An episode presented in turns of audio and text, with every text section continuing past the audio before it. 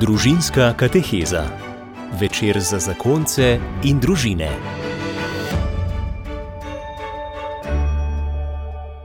Drage poslušalke, spoštovani poslušalci, prav lepo pozdravljeni na ta torkov večer, na prazničen večer, večer po veliki noči, ko se veselimo našega največjega praznika, vstajenja Jezusa Kristusa, pravzaprav smisla našega celotnega bivanja. Vesela sem, počaščena, da lahko nocoj v studiu Radio Ognišče pozdravim Saro in Bojana Doljaka iz Logatca. Dober večer, aleluja. Naj na začetku povem, da se je pred desetimi leti za vaju začelo čisto posebno obdobje. Izvedela sta za Sarino bolezen. Mnogi, ki spremljamo njene zapise na Facebooku, lahko doživljamo ne le samo križev pot, ki ga doživljata vidva, nosita ta križ, ampak vsakodnevno vstajenje. V današnji oddaji bomo poskušali vsaj malo vstopiti v to vajino skrivnost življenja. Že vnaprej se vama zahvaljujem, da ste to pripravljena podeliti z nami. Naj še to povem, da bo Sara komunicirala, govorila z nami preko komunikatorja, torej to ni njen glas, ampak je glas računalnika, ampak misli so pa njene in srce je njeno. Sara, bi vas kar vprašala, kako je bilo, ko sta pred desetimi leti prav na veliki četrtek izvedela za diagnozo skleroza multiplex? Diagnozo multipla skleroza so mi dokončno potrdili na veliki četrtek pred desetimi leti, ko mi je nevrologinja povedala, kaj je vzrok težav, sem sprva njene besede preslišala. Živela sem v zanikanju bolezni vsaj tri leta po tem. Kot navdušeni športnici se mi je svet začel majati prav v športnih copatih. Bilo je pred enajstimi leti, ko sem med rekreativnim tekom tekla vedno počasneje, se spotikala in se zaradi tega vedno bolj jezila. Besnilo je počasi popustilo. Nekaj je prinesel razum, nekaj nemoč in nezmožnost, vse pa škatlica z napisom izkušnje. Življenje je prevelik dar, da ga ne bi imenovala z veliko začetnico. Ker je življenje vedno maraton, tek na dolge proge. Zakaj pa se potem ob tej diagnozi nekaterim se zgodi, ko pride huda bolečina, bolezen, recimo, ne vem, ljudje zbolijo za rakom, marsikaj hudega se zgodi, se ljudje pogosto zaprejo vase. Vidva pa sta se odločila še za večje darovanje, tudi z vodenjem zakonskih skupin. Zakaj? Vsaj tri leta pred diagnozo, kot da bi oba čutila, da se bo najino skupno življenje spremenilo, sva se odločila, da zaživiva v vsej polnosti zakonsko zaobljubo. Materialnosti in prestižu poklica sva dopustila, da sta naju dušila in oropala za pristno in brezpogojno zakonsko veselje. Še pravi čas, po osmih letih zakona, sva se tega zavedela in spoznala, kaj v življenju zares šteje. Materialnost mine, kariera mine, ostanejo pa odnosi. V prvih letih zakona sva pogrešala najin iskren odnos, brez vsiljene rutine vsakdana. In ko sva zaživela iskrenost med nama, sva lahko postala odprta tudi do drugih in sva zmogla voditi tudi zakonske skupine. Pred štirimi leti sva jih vodila pet, sedaj vodiva le eno zakonsko skupino. Kaj pa vama pomeni ta pot, Bojan, ki jo hodita skupaj z drugimi zakonci? nekaj neprecenljivega. Če že v začetku v Mojzesovi knjigi parafraziram, bi lahko rekel: "Ni dobro paru samemu biti." in skozi sočutje ostalih, drugih sozakoncev, se rojevajo odnosi. nisva sama. ta prijateljstva, te tolažbe, te spodbude, ko se slišimo, ko se srečamo, ko smo se še lahko objeli, to naju dejansko drži, naju dva kot par. Tako da vsem priporočam, da, da si vsak par uh, najde pare, uh, s katerimi lahko um, se gre tudi na globino. Torej, se lahko pogovarjajo tudi o težkih temah, tudi o bolečini, o bolezni. Spodbujamo se. Sara, bolezen je prinesla marsikaj. Pred skoraj štirimi leti vam je oduzela tudi možnost govora, kot vidimo. Kako ste to doživeli, tudi kot predavateljica, kot odvetnica? Konec junija pred štirimi leti sem bila sprejeta na nevrološko kliniko zaradi motenj požiranja. Ob ustavljanju nazogastrične sonde se je zgodilo v hipu, spazem glasilk in akuten zastoj dihanja. V sekundi me je iztrgalo iz rutine vsakdanjega življenja in me soočilo z razmerami, ki so moje dotedanje razumevanje življenja in smrti povsem postavile na glavo. Nisem vedela, kaj bo z menoj hude telesne bolečine ter duševna stiska zaradi nenagne nezmožnosti govora, požiranja in težkega dihanja so bile zame tako huda sprememba, da sem bila prepričana, da tako ne bom zmogla živeti. Med to izkušnjo sem razumela stvari in doživela notranji mir, kot ga nisem še nikoli prej. Glavo sem imela prazno, brez misli, nobenega vprašanja, ničesar. V tednu dni v intenzivni negi sem vse opustila, povsem sem se izročila.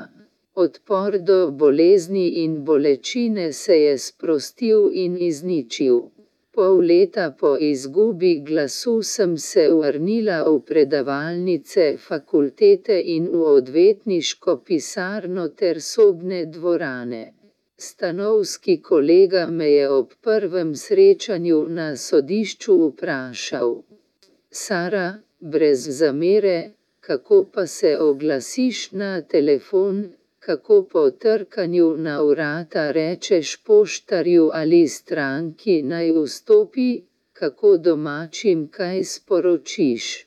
Moj odgovor je takrat bil: Ni lahko, a se da. Pošljem SMS, da se ne morem oglasiti na telefon in naj mi pišejo na elektronski naslov strankam in poštarju zaploskam ali potrobim na skuterju, da slišijo zvok. Na začetku je bilo težko umiriti um ter prenehati biti zaposlena z balastom. Kaj pa vam, Bojan, vse to pomeni, kako doživljate ta rezanja, ki jih Sari prinaša bolezen, kako ji poskušate stati ob strani kot mož?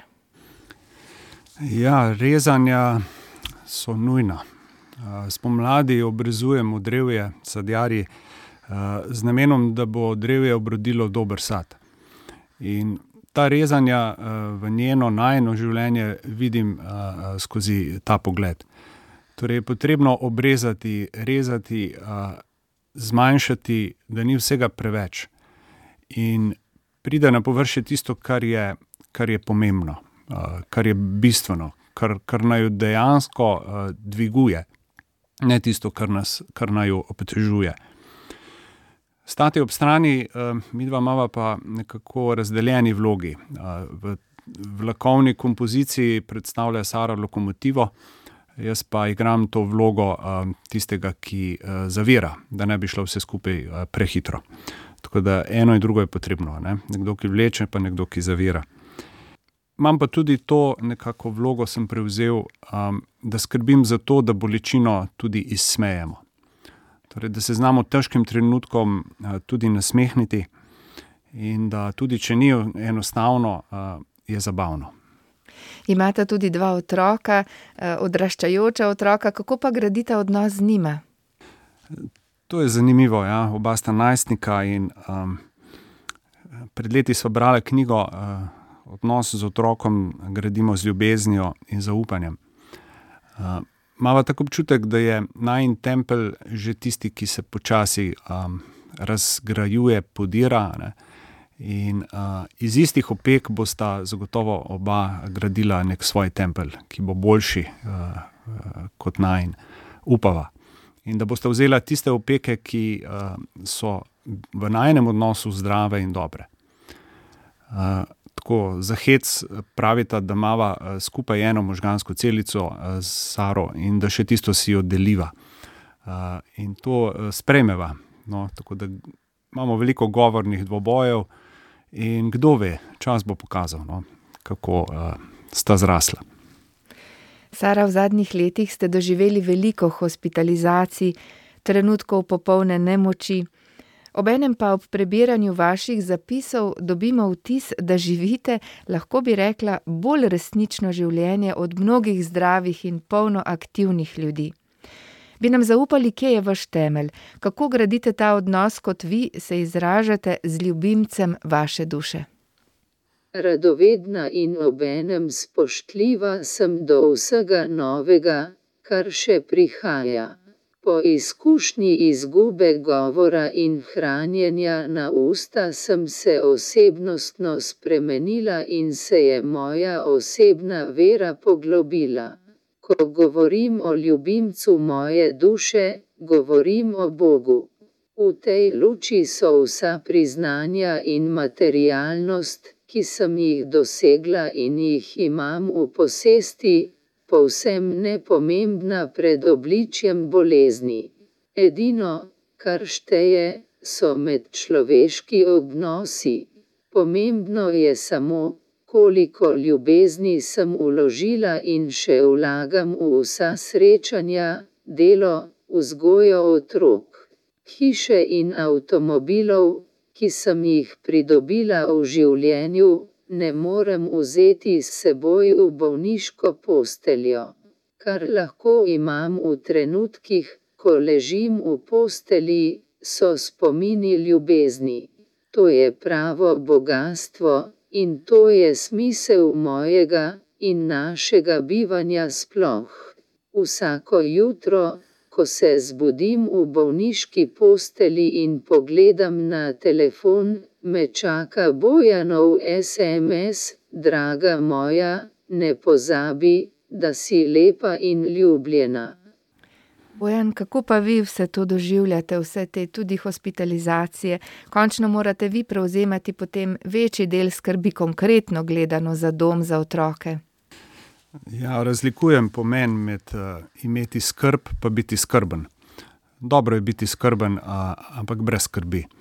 Uh, samo dve stvari uh, vplivata. Uh, torej, lahko naredim to, kar zmorem, takrat, kadar imam priložnost. Veliko krat nimam priložnosti pomagati. Kadar pa imam priložnost, se pa tudi zgodi, da kdaj pa kdaj ne zmorem. In to je, to moraš tudi sprejeti. Torej, to, kar zmorem, takrat, kadar imam priložnost. Skrb je pa ja, tako, vse stvari lahko počakajo. Edino, kar ne sme počakati, je odnos. Pred tremi leti in pol, Sara, ste takole zapisali. Zdi se mi, da sem v času bolezni do sedaj bila kot Sizif, ki je moral zakazen valiti skalo na vrh hriba. Vsakič, ko jo je pririnil skoraj do vrha, pa mu je ušla v dolino. Znova in znova.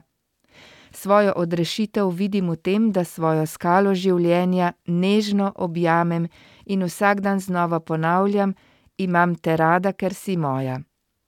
Ta skala predstavlja moje trpljenje in življenje trpljenje, ki ga doživljam in osmišljam. Torej, to ste napisali na začetku tega uspona, bi rekli, ko se je zgodila ta prelomnica v vašem zdravju. Kako, na kakšen način osmišljate to trpljenje? Trpljenje je nujno del človekovega življenja in se mu človek ne more izogniti, prej ali slej pride za vsakogar. Že po prvih dveh tednih življenja s traheostomo in gastrostomo sem imela pred seboj svetlo točko, upanje, zato sem trpljenje začela osmišljati in ga še osmišljam. Sedaj ga nedvomno lažje sprejemam in me več ne zlomi. Če ne bi videla preko trpljenja, bi bilo v štirih letih vse nesmiselno in bi me vodilo v obup. Osmisliti trpljenje brez vere ne bi zmogla. Mir, ki se je naselil v meni, je ureden več kot vsa bogatstva tega sveta in vsi nazivi, ki sem jih v poklicni karieri dosegla. In prav ta mir mi daje novih moči za življenje, kljub bolečinam in nezmožnosti hranjenja na usta, nezmožnosti govora, številnimi okužbami dihal ter vse večjim oviram mobilnosti. Ne zanikam, velikokrat pritečejo tudi solze žalosti, ki jih razmeroma hitro zamenjajo solze hvaležnosti. Bojan, kje pa vi iščete oporo, ko pridejo trenutki teme, negotovosti, se mogoče kdaj tudi kregate z Bogom, da vas je doletela ta preizkušnja? Ja, ko pride tema, ko se znajdeš v vodnjaku, v breznu, teme ne moreš razrešiti, ne moreš je prezračiti. Temo lahko samo presvetliš. In kot pravi Pater Gržan, obstajajo svetlišča, obstaja ta ljubezen z veliko začetnico, ki edina lahko temo presvetli. Imamo to na ključje, da se svetloba na steklu na terasi lomi v najno stanovanje tako, da imamo od marca pa do oktobra Maurico v hiši. In to je tisto znamenje, takoj ko se pokaže, čez zimo je ni, zaradi nagiba sonca. Ampak takoj, ko se pokaže, se spomniva tiste zaveze, ki jo je Bog naredil in dal svoje obljube nam, da nas nikoli ne bo zapustil in da bo vedno z nami. Najbolj se pa kregam s skušnjavo, da bi se kregal z Gospodom. Namreč to je tista prevara, ne, da bi se, kaj pa vem, da bi iskal krivca, da bi se smilil samemu sebi. Dejansko Bog vse čudovito vodi in vse drži v rokah. tako da na tistega, ki me v stiski, ki naju v stiski dviguje, ki naju živi, ki nama daje smisel, da vztrajava, da greva naprej, kljub bolezni, je Bog. Zakaj bi se na Boga jezil? Za vse nas pa so trenutki negotovosti gotovo ta pandemija, ki visi nad nami že več kot leto dni, v ljudeh povzroča stiske vseh vrst. Kako sprejeti te okoliščine iz božjih rok? Kako se ne vdati, ampak predati Bogu? Ta pandemija je tako skrivnostna, nevidna. Imam občutek, da je kot ena plesen, ki neopazno pride na nezaščitene.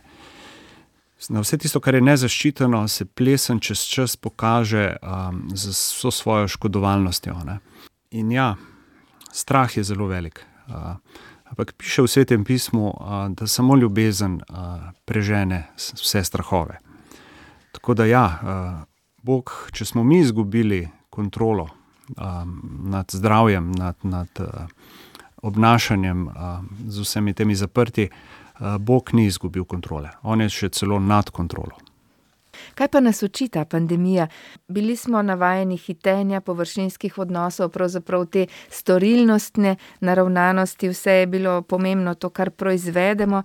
vladalo je potrošništvo, zazrtost vase. Kaj pa nam sporoča ta pandemija v tej luči? Zanimivo, sem razmišljal, da se virus prime na površine in ostaja na površinah, ne. In imam občutek, da se je prijel tudi na našo površinskost na neki način. kaj smo spoznali? da zmoremo tudi brez hitenja. Da lahko preživimo, kljub temu, da pridemo na cilj, da ne hodimo po vagonu. pravijo, ne prideš nič prej na cilj, če če hodiš po vagonih. In ja, ta zagledanost vase, je bila tudi ena eksistencialna kriza, ki je bila mogoče prej neopazna.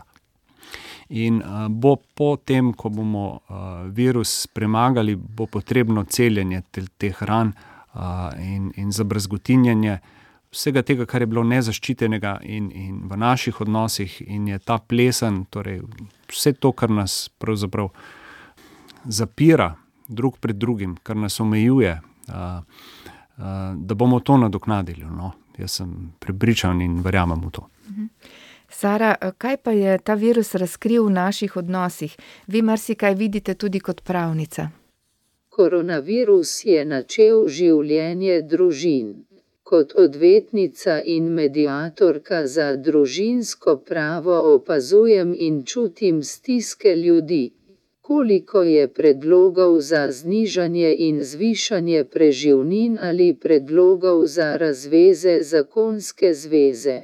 Koliko družin je ločenih, koliko zakonov razbitih, koliko je relativizma v razumevanju zakonske zaobljube? V tem trenutku, z sociološkega vidika in vidika človeških urednot, je družina v krizi. Potrebujemo poglobljeno pripravo na zakon in družinsko življenje, da se ne bi zgražali nad družinskimi nesrečami, uničenimi družinami, otroki, ki trpijo zaradi nesoglasja staršev. Čas, ki ga živimo, je zaznamovan s trpljenjem mladih. Kultura odmetavanja je močna, vse tisto, kar ne služi osebnemu ugodju, je odvrženo. Ja, in eden od vzrokov, ki lahko pripelje tudi do krhanja odnosov, je recimo bolezen enega od zakoncev, tudi zato zakoni razpadejo. Težko je sprejeti, recimo, da se je drugi naenkrat tako spremenil. Vi pa ste zapisali, citiram: Bojan je obziran ob vsaki priložnosti. Kader je žejen, pomisli, da sem žejna tudi jaz. Če gre na teraso, da bi ležal na ležalniku, me povabi ali bi šla z njim. Deliva si bolečino. Vsakokrat, ko je bilo to poletje težko, mi je zjutraj sporočil z SMS-om, da je po noči vzel polovico mojih bolečin pa potem lani, ko ste bili dlje časa v bolnišnici in ste morali zaradi korona ukrepov biti ločeni, ste takole zapisali, kako vam je pisal Bojan. Kako kaj, moja draga, pa ne napiši dejstev počutja, želim slišati tvoje občutke globin in kaj te nagovarja, mi vsak dan napiše Bojan, ko začneva z dopisovanjem. Kaj je torej v vajen odnos prineslo poslabšanje bolezni? Poslabšanje bolezni je poglobila osebno vero in prav z njo greva lažje skozi preizkušnje. Bojan mi nikoli ni rekel, da se je poročil zdravo Saro.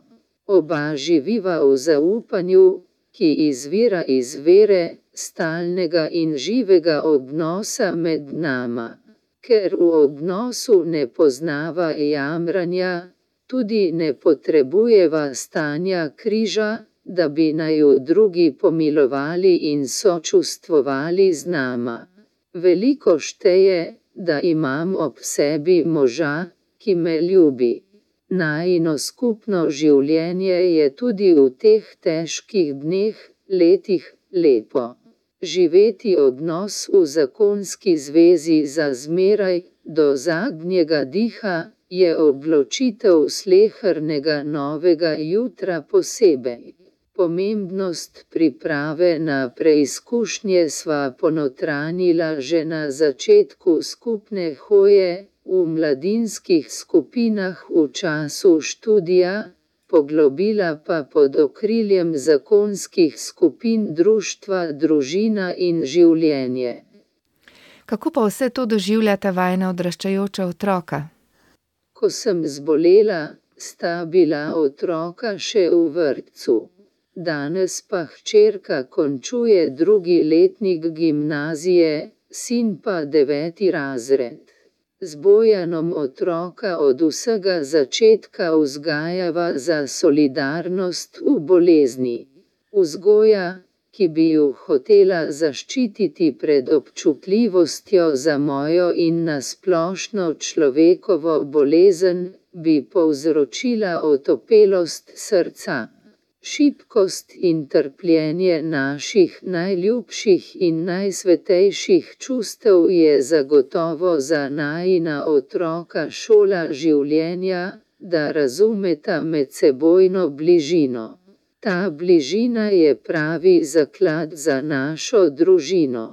Napaja se tudi v globoki osebni veri. In prav zaradi izkustva osebne vere greva lažje skozi skupne preizkušnje. Govorite torej o tej bližini, ki jo sedaj doživljate, pa vendarle bi rada malo bolje razumela Bojan. Človeško gledano sta imela vse. Oba visoko izobražena, imela sta družino, dva otroka, dom, dobri službi, tudi hobije. Kako vsakodnevno sprejemate, torej, da je bolezen posegla v vse to? Kaj prihaja v ospredje? Nam je že razrednik v srednji šoli rekel, da je imeti biti nasprotje. Torej, ali si bolj na imeti ali si bolj na biti. Tako da to, da sva imela vse, je že pokazatelj, da, da sva manj bila drug z drugim v odnosu. Vprašanje bi lahko tudi bilo, kako veliki petek poseže v velikonočno jutro. Ne samo, da poseže, ampak ga omogoči. In jaz sem hvaležen, mislim, da oba, da sva v bolezni, zaradi bolezni, postala bolj srečna. Da sva šla iz imeti na biti. Odnos prihaja iz ruščine odnošenje in pomeni obnašati se, zavzeti neko stališče. Če si v odnosu, potem zavzemaš stališče do druge osebe, jo spoštuješ, jo lahko ljubiš. Drugače pa lahko živiš skupaj, vsako zase. Tako da s tega vidika sva hvaležna za bolezen. Kako pa se soočata z vsemi omejitvami? Čisto praktično gledano, teh omejitev ni malo. Na omejitve, se navadiš. Človek je najbolj prilagodljivo bitje in, in se na vse navadi. Največja skušnjava je primerjati se z drugimi. Vse tisto, česar ne moreš več narediti, kamor ne moreš iti, kamor drugi lahko še gredo. Primerjanje z drugimi, je lahko, tista plesen, ki, ki človeka pahne v malodušje. Že v Desiderati piše, ne: "Ne primerjaj se z drugimi, da ne postaneš čemiren ali ohol." Tako da kljub omejitvam, imava vse. Torej tudi znati biti zadovoljen s tistim, kar imamo. To, to primerjanje, mogoče še kakšno besedo o tem, se mi zdi zelo pomembno, ker ljudje vedno radi gledamo na tiste, ki imajo nekaj več od nas. Redko pa opazimo tiste, ki pa so mogoče v slabšem položaju. Ja, če bi dali na skupni imenovalec, kaj zares človek potrebuje. človek potrebuje ljubiti in biti ljubljen. Torej človek potrebuje ljubezen. vse drugo je, je samo mogoče komoditeta, ki ni življenjsko, bistvena. Lahko res dejansko si vse priskrbiš v življenju, brez ljubezni si pa prazen, ne, brez odnosa. Ko nimaš koga, da bi ga imel rad. In to je ta tragika človeka, ne. Da iščemo srečo tam, kjer, je ni in kjer ne traja. Vemo pa, da ljubezen, je tista edina, ki nikoli ne mine. Kaj vse pa sta morala prehoditi v teh, lahko sedaj že skoraj štirih letih strmega vzpona? Ja, to pred štirimi leti je bil en Getsemani, kot dobro vemo, z velikega tedna, radi bi se kelihu izognili, ne. Ampak če pa se nekako ne moreš izogniti, potem, ga sprejmi. Ga izpij. in naučila sva se v teh letih vse te hoje, sprejemati in pa zaupati. Kot sem že prej rekel, Bog čudovito vodi. In dopušča stvari, ki se bodo s časom pokazale, kdo ve, na kateri generaciji, kot zares dobre. Ki bodo, upam, obrodile neki sad. Tako da vsaka žrtev ima, ima smisel, ima neki namen. Sara, ena od omejitev, ki gotovo je za vas pomembna, saj ste prej omenili, da ste bili športnica, je omejitev gibanja. Si želite kdaj, da bi spet lahko hodili? Električni skuter je moj spremljevalec. Imava ovire, stopnice, klančine, a prideva vse povsod, tudi v sobne dvorane, predavalnice in na zagovore diplom študentov potrebujem pa pomoč od zunaj. Simbolni svet urednot bi se lahko rušil, pa se ne, ker vidim stvari, ki sem jih prej spregledala. Osmišljam čas. Seveda si želim, da bi spet hodila, a obenem sem pripravljena na vse, dobro in slabo. Gotovo ta čas, ko ste omenili ta čas preizkušnje, ko ni toliko tega zunanjega dogajanja, hrupa, prinaša soočenje s seboj. Ko ugasnemo televizor, zunanji hrup, da se posvetimo pogovoru z Bogom v sebi, pa tudi odnosu z bližnjimi. Ja, če zmoreš gledati v brezno v sebi, potem se lahko soočiš tudi z trpljenjem, preizkušnjami, bolečinami. No, mi ne samo, da televizor ugasnemo, mi smo ga že pred leti odpravili, torej ga nimamo več doma, torej smo hrup celo odstranili. V družini in življenju govorimo o, o stotinkah dneva, o stotinkah za odnose, o stotinkah za Boga. In ko se že posebej posvetiš, ko premišljuješ, ko, ko te Božja beseda nagovarja, ko, ko dobivaš to ljubezen, ki jo nujno potrebuješ kot vodo, ne, rastlina, da rasteš. ampak ta stotinka je tako, ja, če bi človek samo eno stotinko dneva vedel in se zavedal, da je mož, da je žena, da je sin ali pa da je oče, saj vemo, da, da moramo s tem dihati, da pravzaprav tega ne moreš kar samo pozabiti in boš petnajst minut na dan se tega zavedal. Tako da iz tega raste potem vse to, kar, kar zmoreva, no, od zgoraj prihaja. Ja, ta tišina, Sara, v kateri vi živite, na kakšen način pa se vidva sploh lahko pogovarjata med seboj, na kakšen način komunicirata? Pogovori med mano in Bojanom so vedno bolj globoki, življenjski. Zapisujem na papir ali v komunikator in govorim z očmi in rokami. Govoriva o najinih nazorih in pogledih na življenje, o čustvih in o minljivosti. Nerada se pogovarjava o dnevni rutini. Ko govoriva o minljivosti, govoriva pravzaprav o življenju. Šele sedaj zares zaznavava življenje in podrobnosti v njem. Po izkušnji minljivosti živiva še bolj polno in iskreno. Kako pa se vi osebno soočate s tišino v sebi, zdaj, ko ne morete več glasno govoriti?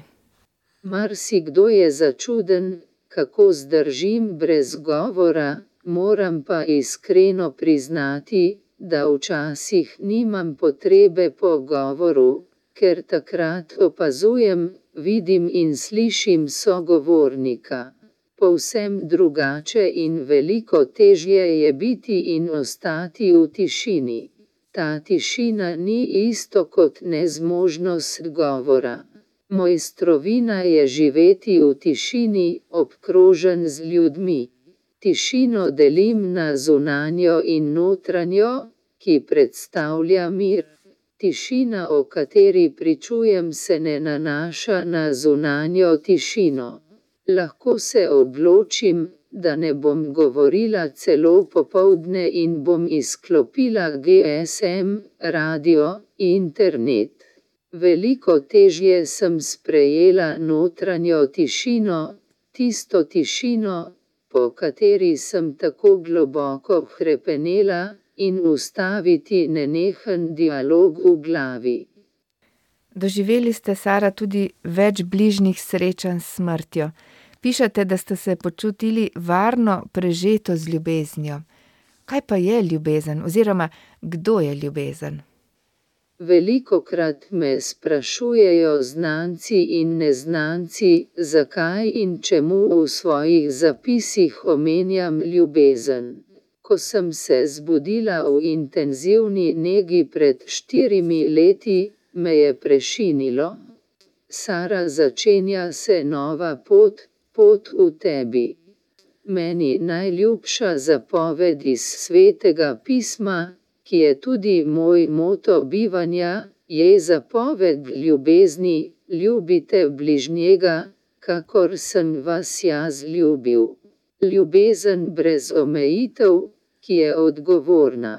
Brez nje naša družina ne bi rasla, postali bi si tujci pod isto streho. Postali bi družina navideznosti in nesmiselnih dejanj. Bojan je neopazno prevzel eno zapoved, ki je služenje iz ljubezni. In kaj imava kot zakonca? Ljubezen vse do konca in služenje, to dvoje v sodelovanju z našim očetom. Tako malo je potrebno za veliko radost odnosa. Vedno se da, ni pa vedno lahko. Ja, govorite o tej veliki ljubezni, ki pa je prežeta z bolečino. Bojan, pred bolečinami ljudje običajno bežimo, včasih jih skušamo zanikati, jih čim prej odpraviti na vse načine, sploh današnja družba je tako usmerjena. Vidva pa sta svoje trpljenje ne le sprejela, ampak tudi objela. Kako vama to uspeva? Ja, še miška beži a, pred bolečino. Kaj ne bi človek, a, ki se kot edino bitje zaveda trpljenja?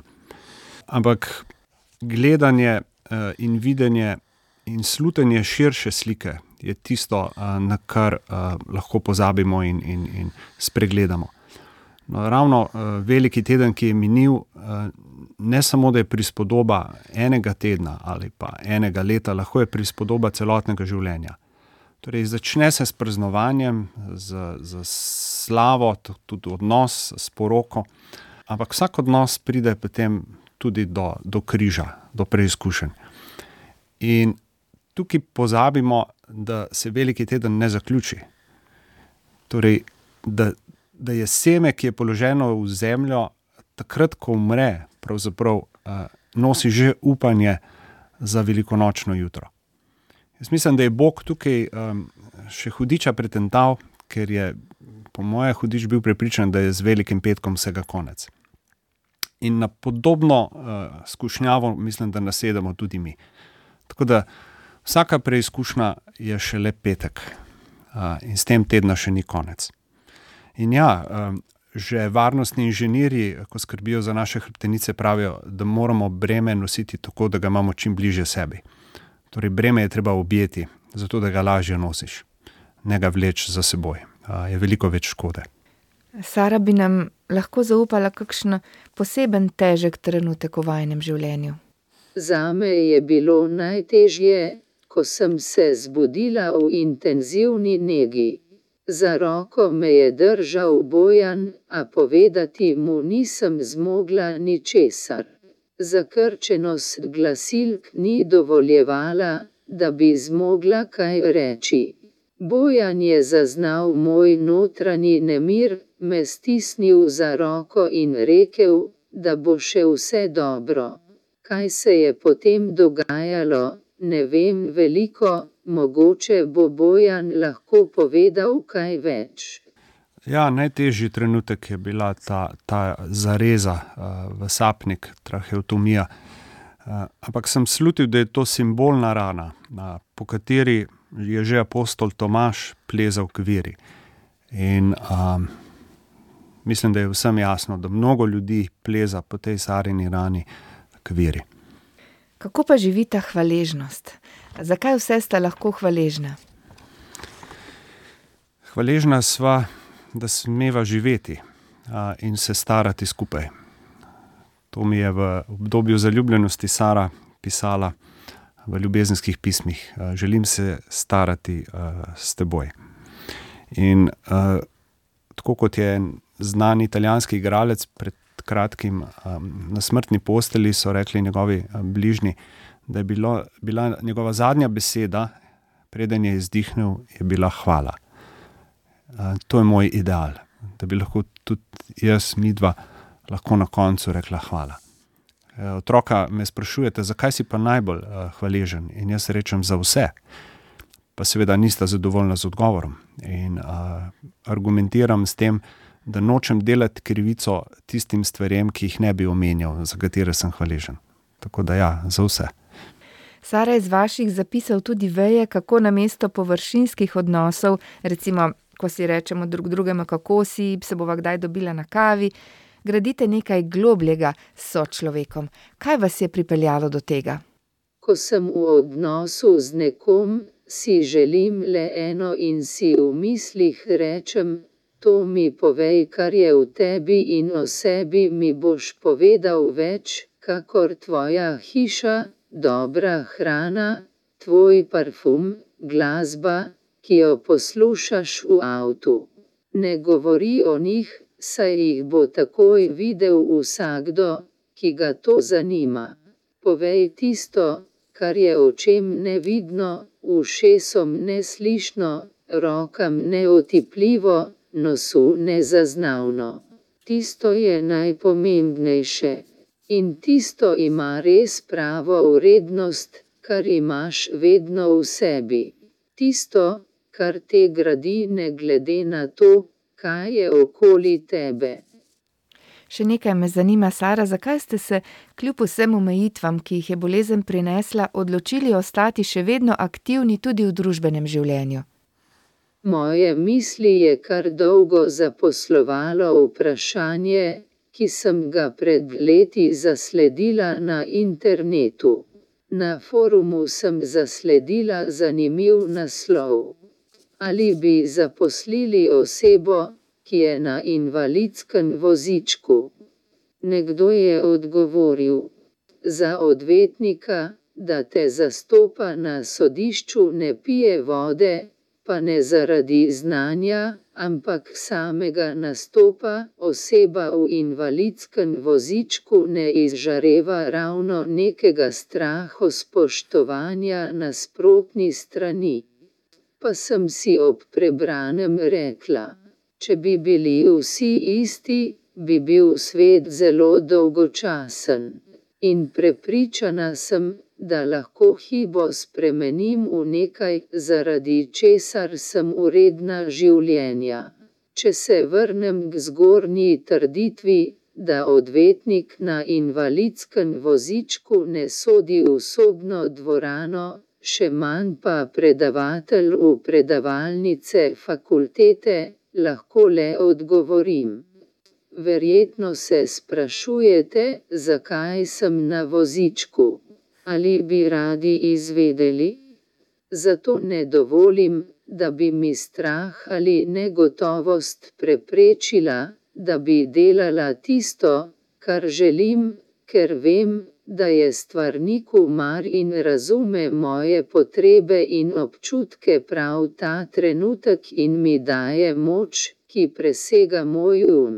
Če mi stvarnik zaupa, da se lahko spoprimem s to preizkušnjo, kdo sem potem jaz, da bi se temu zoprstavila.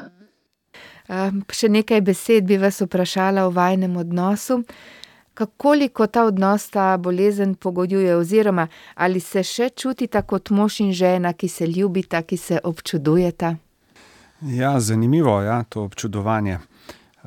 velikokrat slišimo, da smo nepopolni. Um, pa smo šla uh, pogledat, kje v svetem pismu je omenjena beseda nepopolnost in je samo enkrat v Sirahovi knjigi. Uh, in citiram, uh, piše takole: Vse stvari so podvoje, druga drugi ustrezajo, in nobene ni ustvaril nepopolne. Ena stvar podpira dobre lastnosti druge. In res je, ja, uh, lahko sovražimo greh, ampak uh, ljubimo grešnika razlikujem pa pomen v tem, da nisva idealna. Torej, idealen biti pomeni biti ukrojen a, po zamislih drugega. In tukaj večkrat nasedemo spet tej izkušnjavi, da bi spremenjali drug drugega.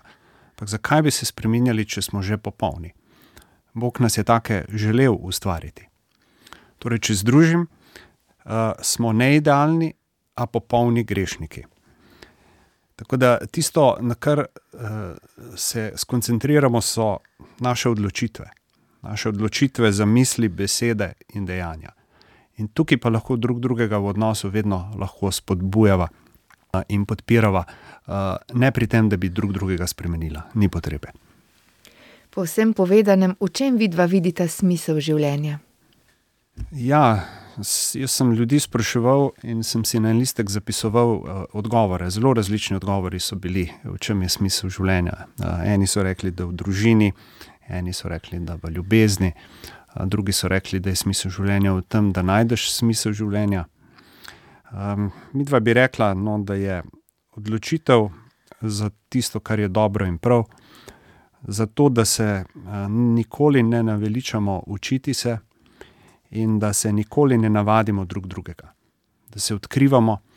Jaz po več kot 20 letih uh, zakona s Saro uh, sem ponosen, da lahko rečem, da je še vedno ne poznam in me vsak trenutek lahko preseneti. Bojan in Sara Doljak lahko rečeta, da sta srečna. Hvaležna sem za izkušnjo, ki se je porodila iz preizkušnje. Ne govorim o sreči, govorim le še o trajni sreči, ki je stanje duha. Trajajoča sreča je preprosto živeti. Biti to, kar sem ljubeča, hvaležna, pripravljena pomagati in opazovalka lastnih misli. Dovolim si zgolj biti v danem trenutku in biti zanj hvaležna. Ne osredotočam se na to, kaj vse bi morala narediti, želim le preprosto živeti kljub omejitvam. Nezmožnost govora mi je dala spoznanje, da gre za pripravljenost srca, mimiko obraza in lesket v mojih očeh. Vse našteto se je poklopilo in pretopilo v sedanji trenutek kot spodbuda, da ustvarjam dalje. No, jaz bi k temu dodal, um, da je odgovor na to, ali si srečen, uh, da oziroma ne, uh, preveč enostaven. Najboljši odgovor je uh, vprašanje, zakaj pa ne. Hvala vama, Sara in Bojan Doljak, da sta prišla nocoj v naš studio da sta odprla vajno srce, vajno pot duše v vseh teh letih eh, trpljenja, pa vendarle ustajenja, kot lahko vidimo, velike ljubezni. Pravzaprav. Hvala še enkrat, želim vama veliko blagoslova na vajni poti. Hvala, no, da smo imeli to priložnost in uh, Bog vas živi vse. Drage poslušalke, spoštovani poslušalci, hvala tudi vam, da ste bili nocoj z nami. Odajo boste lahko kmalo našli tudi v našem audio arhivu. Želim vam, tako kot živita Sara in Bojan, vsakodnevno prehajanje iz Velikega petka v Veliko noč. Pa lep večer še naprej. Odajo sem pripravila Marjana Debevec.